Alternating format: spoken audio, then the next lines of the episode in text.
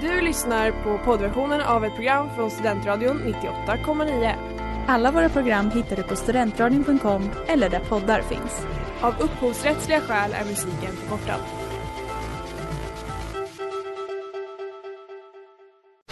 Reklam, reklam.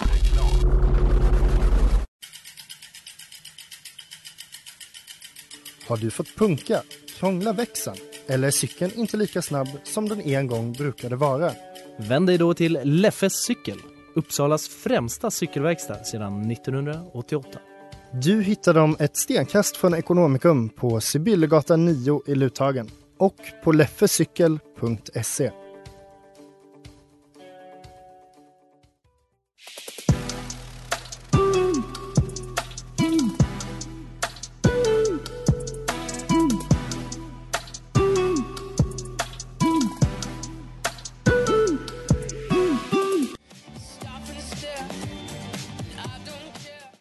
lyssnar på Studentradion 98,9. Det där var Wait I Lied med Alfie Templeman. Du lyssnar på Femgranskarna med mig, Elin. Och mig, Emma.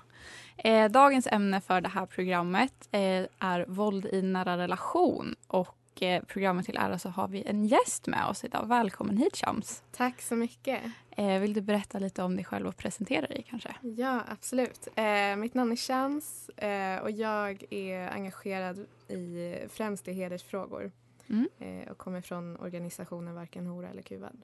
Spännande. Hur, eh, hur kom du in på, på det här spåret? Eh, jag har själv erfarenheter av eh, hedersvåld eh, och har senaste åren engagerat mig jättemycket och varit superintresserad och vill ju verkligen förändra Mm. samhället. Kul. Eller kul, men eh, kul med lite expertis idag i alla fall. Ja, Mm. absolut. Eh, och eh, som vanligt så ska vi väl i alla fall dyka in i ämnet med en liten krönika och den kommer då här. Från början var han snäll, lugn, ödmjuk, omtänksam och bra på att lyssna. Det kändes som att han förstod mig på ett sätt som ingen annan kunde.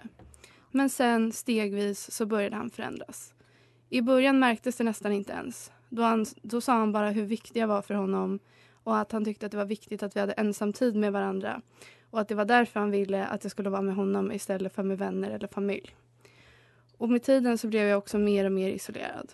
Men sen så började han bli arg ofta. Det kunde handla om alla möjliga saker.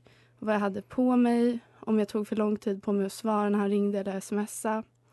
Om han inte tyckte om maten jag lagade, ja egentligen vad som helst kunde trigga igång, igång honom. När jag väl var ute så blev han svartsjuk och ville veta allt om vem jag hade varit med och vad jag hade gjort. Till en början så var allt bara psykiskt. Jag blev intalad hur dålig jag var, hur äcklig jag var, hur jag inte räckte till och att om jag bara gjorde si eller så skulle jag vara bättre. Sen var det inte bara ord, plötsligt blev det också slag.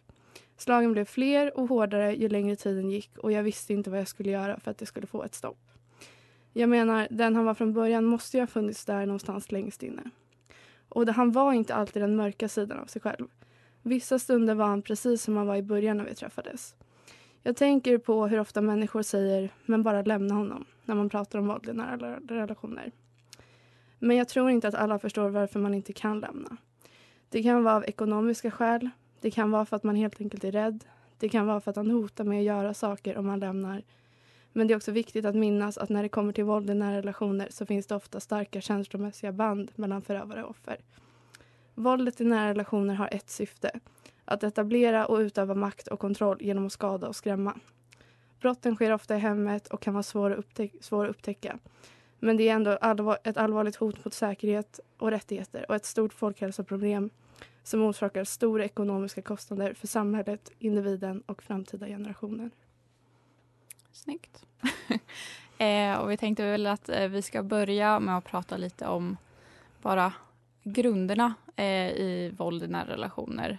Eh, jag kan väl eh, börja med att säga till exempel, har jag läst i Socialstyrelsen, eh, att eh, det är viktigt att komma ihåg att våld kan ju vara saker som eh, det kan vara fysiskt, psykiskt, ekonomiskt, sexuellt, socialt, materiellt. Och det är viktigt att komma ihåg att det finns i alla grupper och åldrar. Så det är en väldigt bred fråga det här. Ehm, och som du pratade om Elin, det här ehm, att man ofta har ett starkt emotionellt band till sin förövare. Mm. Eh, är det något annat ni tänker är viktigt att komma ihåg som, som lite grunder eller bra att veta? Jag tycker att den här krönikan väldigt bra beskriver det som kallas normaliseringsprocessen. Alltså den långsamma processen eh, eh, där man liksom hamnar i en våldsam relation, en Mm. destruktiv relation. Eh, så, nej, det var väldigt bra rutet. Tack. Vad roligt. Eller roligt, men ja, Ja. det var ju ändå kul att du tyckte att det var liksom bra.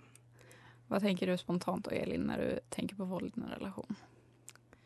Ja, alltså jag tänker att det är, jag tror att det är liksom mycket mer vanligt än vad man eh, tror och jag läste också liksom hos, eh, eller på polisens hemsida att för, att för dem är det liksom väldigt svårt att upptäcka många gånger just för att det ofta liksom sker i, eh, i hemmet. Men i relation till det så tänker jag också på den här kvinnan som blev mördad på gatan mitt på blanka dagen för några Mm. veckor sedan. Alltså här, jag fattar bara inte så här, hur det kunde hända utan att någon typ ringde 112 eller polisen eller så här, hur fan gick det till? Mm. Alltså så här, och det, det ger en en så skrämmande bild av hur folk ser på det här problemet. Liksom. Ja, verkligen.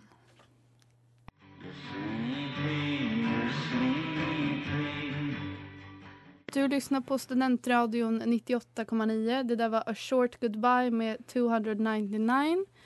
Eh, och du lyssnar på Femgranskarna med mig, Elin. Och mig, Emma. Och mig, Shams. Precis. Och eh, idag pratar vi som sagt om eh, våld i nära relation. Och vi tänkte väl prata lite vidare om eh, lite grunder och saker som är bra att veta. Eh, men du tog upp en lite spännande sak här, Shams, i pausen. Att eh, just den här skillnaden på våld i nära relation och eh, mäns våld mot kvinnor. Vill du utveckla lite? Jo, men det finns ju en viss problematik i att använda begreppet eh, våld i nära relation för det raderar ju och osynliggör det könsspecifika aspekten i våldet. Eh, och jag kommer ju från kvinnolobbyn och där använder vi ju mäns våld mot kvinnor och där liksom eh, där vi accentuerar att det liksom, det finns en, våldet är könsrelaterat. Mm. Att det finns en struktur i samhället där män i mycket större utsträckning misshandlar, eh, är förövare och kvinnor i större utsträckning är offren i det. våldet. Jag tänker mig att våld i nära relation blir som någon slags paraplybegrepp som man sen kan dela in i mäns våld mot kvinnor, kanske också hedersrelaterat våld Precis. och lite olika underkategorier. Absolut. Ehm, men eh, vi tänkte också ta upp lite eh, om hur man kan få hjälp om man är utsatt i en sån här situation. Och följande information kommer då från 1177. Mm. Eh, och eh, det är liksom många som är rädda för vad som kommer hända om man alltså lämnar eh, relationen. Och ofta är liksom det en lång process. Man kan få hjälp från vården, man kan få hjälp från socialtjänsten eller ideella verksamheter som då till exempel kvinnojourer eller brottsofferjourer. Eh, och det är också många som lämnar en sån här typ av relation som behöver eh, stöd eh, efteråt. Liksom. Eh, och det kan man ju också få liksom, via, via vården Mm. eh, och andra liksom, aktörer. Så. Mm, precis. Sen bor vi ju i Uppsala där vi har ett fantastiskt, eh, en fantastisk institution, eh, Nationellt centrum för Mm, kvinnofrid just som det, har Just det. väldigt mycket kompetens och Mm. liksom, som har ansvar för kvinnofridslinjen. Mm. som är väldigt användbar att ringa både om man själv är våldsutsatt men också om man misstänker att någon är utsatt. Mm. Ja, just det, för de håller väl på med allt från liksom forskning men också stöd, liksom grejer och jag vet att de håller ju kurser på universitetet så det är ju en, som du säger, en väldig resurs här i stan eh, som vi har med, med kunskap om de här sakerna, verkligen. Mm, verkligen. Ja, verkligen. Och alltså en annan sak som vi också skulle vilja lyfta, vi har nämnt det här förut i ett annat avsnitt, men det är att om man har eh, om man kontaktar 112 och har deras app nedladdad och kontaktar dem via dem så kan de alltid se vart man är. Eh, så det vill vi än en gång lyfta och eh, vi vill att folk ska komma ihåg det. Det är väl ett superbra tips.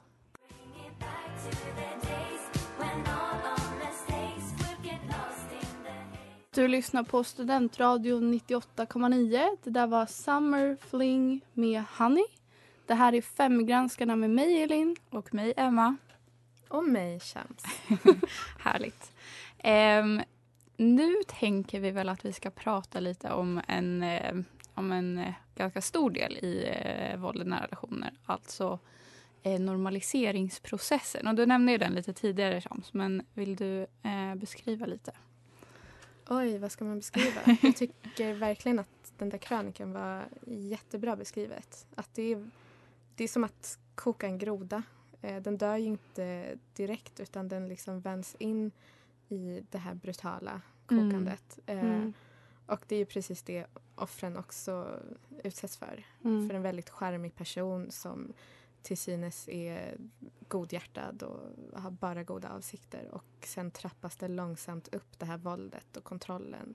Och det som gör att det är så svårt att se våldet också är ju att förövaren ofta har väldigt goda sidor och väldigt onda sidor som Mm. gör att det är svårt att se det svart på vitt. Ja, man brukar väl också prata om att det är väldigt liksom man har de här topparna med liksom mycket våld och eh, otrevligheter. Men sen kommer en period där man liksom vaggas in i att nej men allt är bra och vi har det jättebra och det går bra. Och så kommer en topp igen där ja, och så går det liksom så upp och ner, upp och ner. Ehm, så att det kan variera ganska mycket tänker jag Mm. i, i sådana situationer. Det känns också som det här typ knyter an lite till det vi pratade om häromveckan när vi pratade om alltså, sexuellt våld. Att Mm. ingen, ingen känner en gärningsman men typ alla känner någon som har varit utsatt. Att, så här, Mm. och den här normaliseringsprocessen den illustrerar ju också till- på något sätt liksom att så här, legit bra personer ur ett liksom externt perspektiv kan också göra liksom andra saker löpande men fortfarande liksom på något sätt bibehålla ens image. Eller vad man ska Mm. säga. Ja men verkligen. Och Verkligen. något som är, jag tänker med våld i relationer som du sa tidigare också, att det, det händer väl allt som oftast liksom bakom stängda dörrar och i hemmet. Ehm, och ju- just den här relationen gör väl också att offret kanske inte är så sugen på att liksom gå ut med att det här händer och vill liksom eh, vad ska man säga, inte tjalla men liksom eh, prata illa om den här personen som man ju faktiskt ofta är kär i eller liksom har den här nära relationen till. Ehm, Mm. det blir en... Jag har svårt med det emotionella kontra att bli liksom... Ja, jag vet inte vad jag ska säga. Ja, det är ju absolut mycket psykologiskt i det. Att Ja. Det är ju en överlevnadsstrategi också att stanna Mm. i, i relationen. Mm. Ja, men verkligen. Verkligen. Alltså jag tänker också på att... Alltså jag vet inte hur ni ser på det här men jag känner typ aldrig riktigt att någon har pratat med mig om det här alltså i skolan eller att man typ någonsin så här lär sig om det under ens utbildning liksom när man är liten. Och jag tänker på något sätt att det också kan liksom att, att alltså så här, för ibland så kanske man liksom inte förstår att det finns eller inte liksom kanske riktigt kan se det för att man typ inte vet så mycket om det från, från början. Det känns som att det är någonting som man borde prata mer om redan när så här, man är liten och typ lära sig mer om. Ja, verkligen. Det är väl, alltså statistiskt sett så är det väl vanligt att barn också är, är utsatta eller Mm. bevittnar eh, sånt här. Så det, jag upplever också att det var inte något vi pratade om eh, när jag var liten. Utan det har, har jag lärt mig liksom på senare utbildning Mm. eller på senare år att, vad det handlar om. Liksom. Och så egentligen, så här, vem fan bryr sig om hur man bakar scones om man inte vet någonting om det här? Verkligen.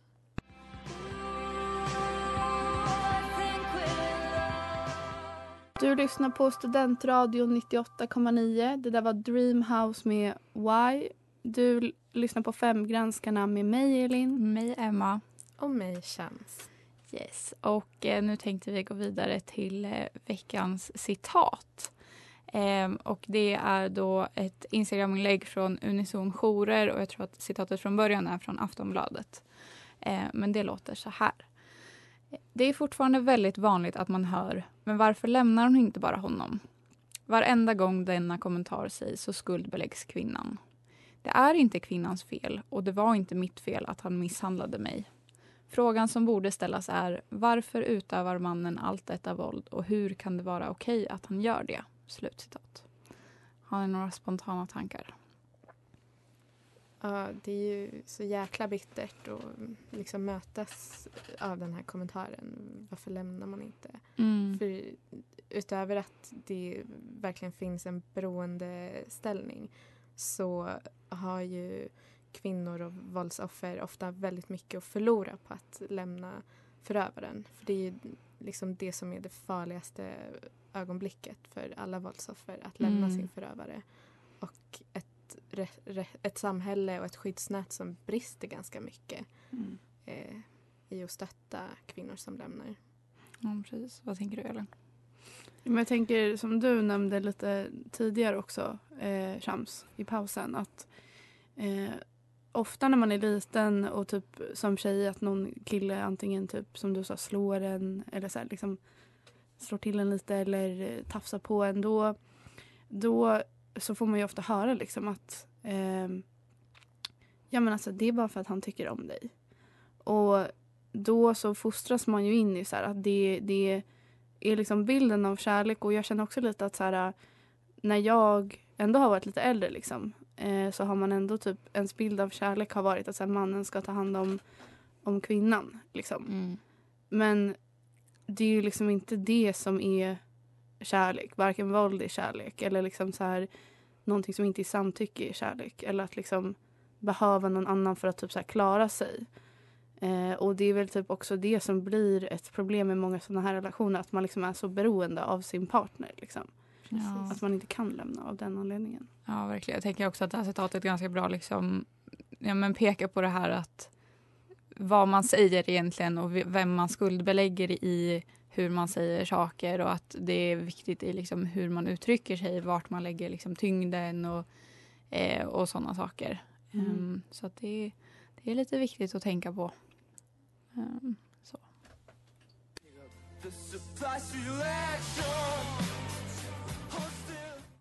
Du lyssnar på Studentradio 98,9. Det där var eh, Gold City med Ice Age.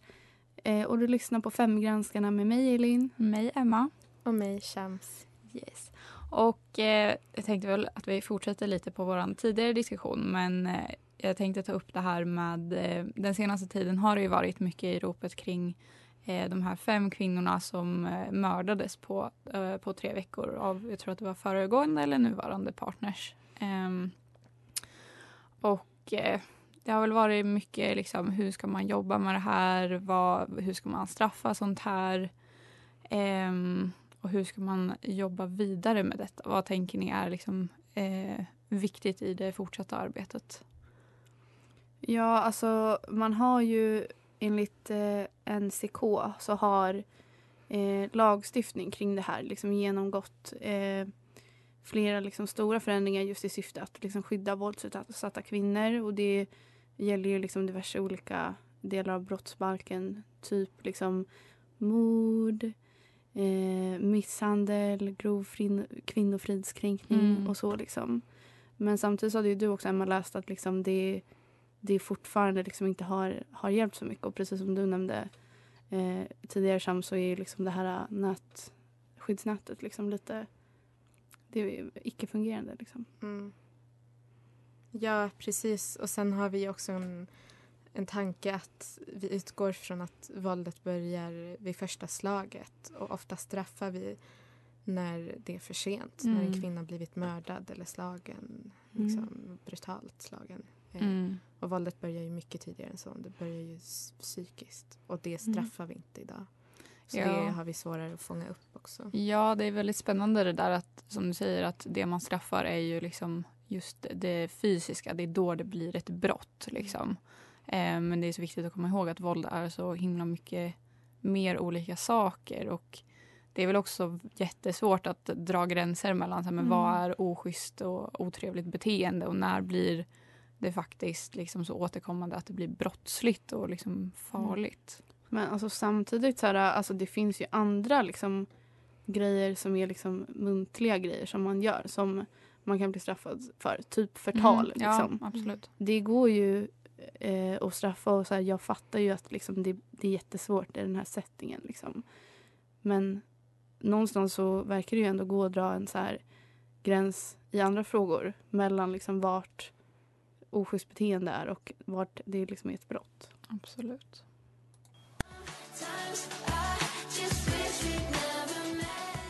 Du lyssnar på Studentradion eh, 98,9. Det där var Hurts to hate somebody med Elio, Chase Atlantic och No Rome.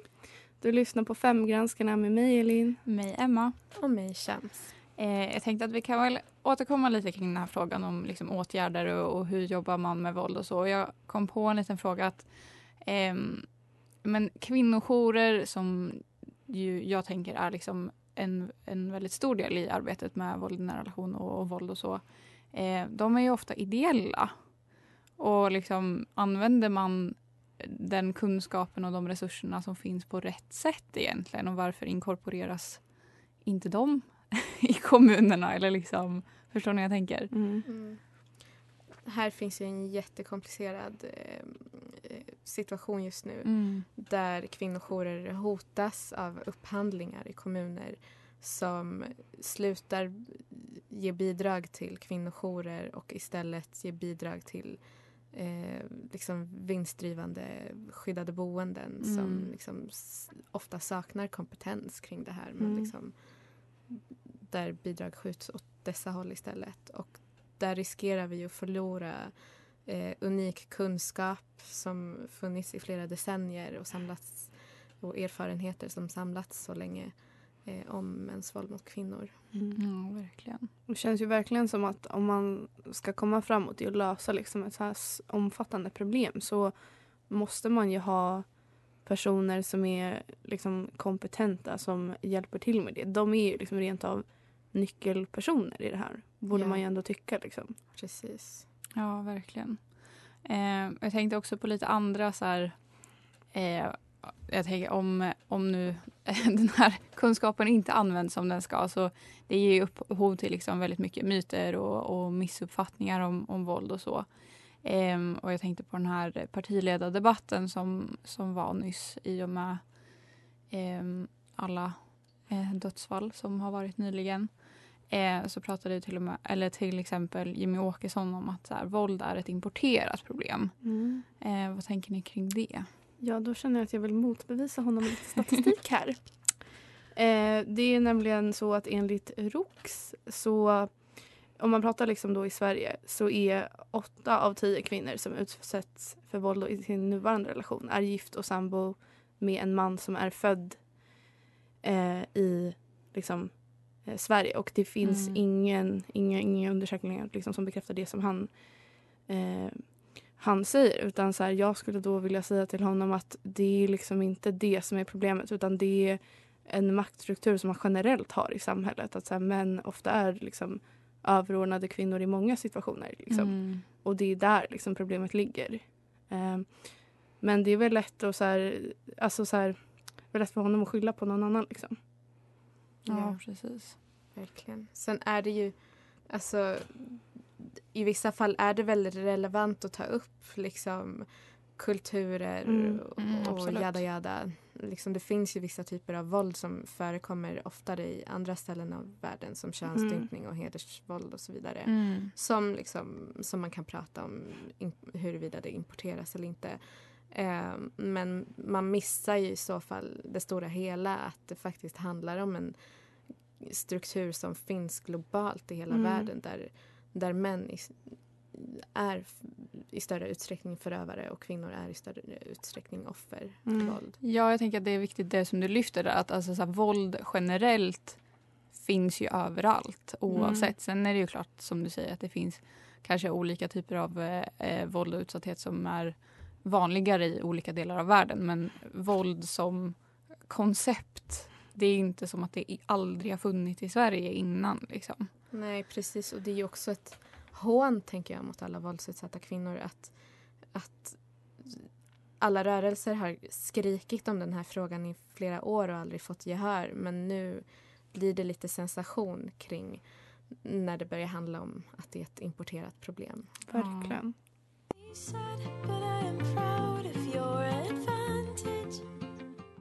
Du lyssnar på Studentradion 98,9. Det där var Attention med Rainbow Frog Biscuits. Och det här är Femgranskarna med mig, Elin. Mig, Emma. Och mig Champs. Och eh, nu är vi väl inne på att det är dags att börja avrunda lite för dagen. Mm. Eh, vilket ämne ändå och eh, vad fint att du kunde gästa oss idag och ge oss lite experthjälp. Jättekul att vara här. Tack så jättemycket för att du har kommit. Vad, vad tar ni med er från det här avsnittet? Eh, att det är viktigt att prata om och ha i åtanke, tänker jag. Eh, Mm. Och att eh, jag, blir, jag blir lite sugen på att engagera mig. Mm. Vi får se. Ja, eh, absolut att, eh, typ, som jag sa innan i pausen, normalisera samtal. Mm. Att, eh, prata om tunga ämnen som det här. Mm. För jag tror det kan komma fram väldigt mycket intressant också. Mm. Jag tror att det som jag framför allt tar med mig av det här, vi har snuddat det lite, men att man aldrig liksom ska vara rädd för att fråga och hjälpa, alltså om man Mm. tror att någon är utsatt. Liksom. Verkligen. Ehm, Som vanligt så finns alla våra källor i beskrivningen till vårt eh, klippta poddavsnitt. Och vi finns också som vanligt för vidare diskussion och frågor på Femgranskarna på Instagram. Var väl kanske inte så mycket mer än så. Men, Nej. eh, Nej. Då säger vi bara som vanligt. Ha det bäst! Puss, Puss och och kram! kram. Du har lyssnat på poddversionen av ett program från Studentradion 98,9. Alla våra program hittar du på studentradion.com eller där poddar finns. Och kom ihåg, att lyssna fritt är stort, att lyssna rätt är större.